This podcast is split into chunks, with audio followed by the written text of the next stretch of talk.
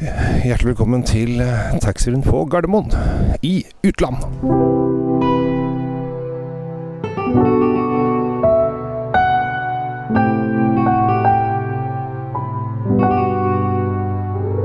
Hei, hjertelig velkommen til en episode av Kjell Svinkjeller. Nå føler jeg på en måte at jeg gjør noe som jeg sikkert ikke får lov til, å gå rundt i taxfree-en her og lage podkast.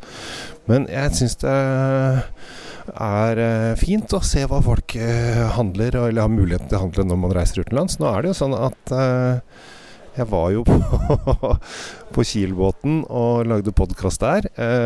der jeg i og for seg var veldig skuffa over over taxfree-en deres, spesielt fordi det var veldig, veldig lite veldig lite tysk vin, og det syns jeg er uh, kjempetrist. Uh, når det er så mye god tysk vin. Jeg er faktisk på vei til Tyskland for å lære mer om tysk rødvin. Så det er det som er uh, turens mål for denne reisen her. Det er derfor jeg er på, på Gardermoen. og nå tok jeg meg en liten titt, for jeg tenkte er det like ille som på Kilbotn? Men her er det faktisk litt bedre. Uh, det skal sies. Det er en del uh, gode viner. Det, er faktisk uh, mellom slaga så er det flere gode viner enn det vi så på Tysklandsbåten.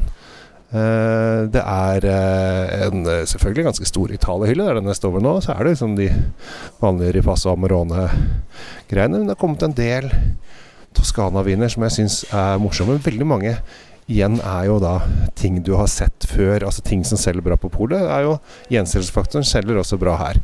Men du ser liksom det står Kanubi, som er en veldig kjent vinåker i Barolo.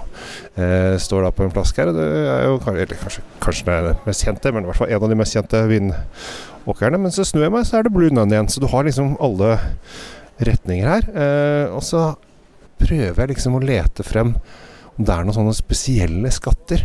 Og de har, jeg så rett her borte, så har de et sånt eh, skap der de har litt av disse eh, Og da koster det fort en sånn 6 7 8 10 000 kroner flaska. Eh, jeg vet at de har, men det er kanskje på den andre avdelingen, så jeg da skal gå ut fra eh, D-utgangen. Så jeg er da i den delen av eh, av eh, av uh, taxfree-en. Men jeg så, og der vet jeg de har en veldig dyr vin til 250 000 osv. Så, videre, så det er jo masse av det. Uh, skal jeg gå jeg må vandre rundt der. Det er en mann som jobber her som så litt rart på meg. Men det syns kanskje ikke så vanlig at folk går og lager podkast på, på, på taxfree-en hans. Ja, de har en Chateau Lafitte Rothschild 2016 til 9,5. Og så har de Chateau Yquem til 7,4. 2007. Det er veldig veldig dyre viner. Og så skulle jeg ønske at jeg var sånn At jeg kunne alle priser sånn utenom, men det, det gjør jeg da ikke. Uh, så, men det ligger da noen flasker av hver inni her. Veldig morsomt at de har en uh, Amorone til 519 som ligger da i samme skapet rett ved siden av uh, Chateau Lafitte Rochelle til 10 000 kroner. Uh, og så er det en del tomme hyller her. Så er det Champagne er selvfølgelig Louis, Roderer og Bollinger osv. Så, videre. så jeg, jeg, må bare si at jeg syns det var litt bedre enn uh, enn det jeg fryktet, faktisk. Uh, det må jeg si. Nå skal jeg gå bort til champagnehylla og se om det er noe artig kupp der. Jeg tror de driver og bygger om her, for det er veldig rotete og slikt her akkurat nå. Uh, det er selvfølgelig Moët Chardot. Det er Louis Roderer Rosé. Bollinger rosé. Veldig mye rosébobler. Det syns jeg er faktisk eh, kult. Jeg syns jo rosébobler er eh, ekstra tøft. Tatangier, Henriot Ja, det er de store brandsa. Fyll på nå Det er de store brandsa som, eh, som går igjen her. Så det er det jo bare sånn. Og så er det billig vin til uh, 80 kroner, og så er det dyre viner igjen som, uh, som koster litt. Men det som jeg syns Kanskje i hvert fall når jeg reiser utenlands, så reiser jeg ofte til et vinproduserende land. da Og da eh, kjøper man seg veldig sjelden vin ut av landet.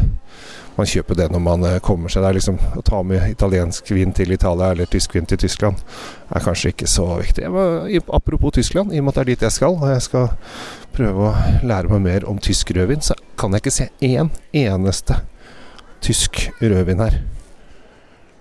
Det tror jeg faktisk ikke de har. Det er Italia, Frankrike som dominerer.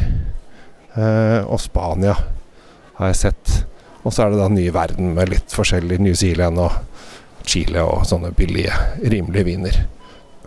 Som kanskje ikke er så spennende. Men uh, hva skal jeg si? Bedre enn Kiel-båten. Men de kunne jo vært enda mer spenstig. Det det er litt sånn safe hele veien. Det er det. Og så er det ikke en eneste sylvaner her, men det er en ti-tolv rislinger. Og jeg er jo med Sylvaner Grete Gen-type, så da blir det jo litt sånn. Men øh, jo. Det er øh, Man finner noen viner her som man kan øh, kose seg med. Uh, det gjør man, gjør man, helt klart. Så dette var bare en sånn liten stopp på veien. Så håper jeg at dere har det bra. Og at dere syns at disse episodene kan være lærerike. Og så skal jeg bare reise videre. Så takk for oppmerksomheten. Jeg heter Kjell Gabriel Henriks. Tusen takk for at du lytter på podkasten min. Og håper at du setter pris på det. Er det noe du vil at jeg skal bidra med? Holde vinkurs eller gjøre et eller annet for deg og dine? Ta kontakt på kjellsvinkjeller.no. Ha en fin dag, og ha det bra.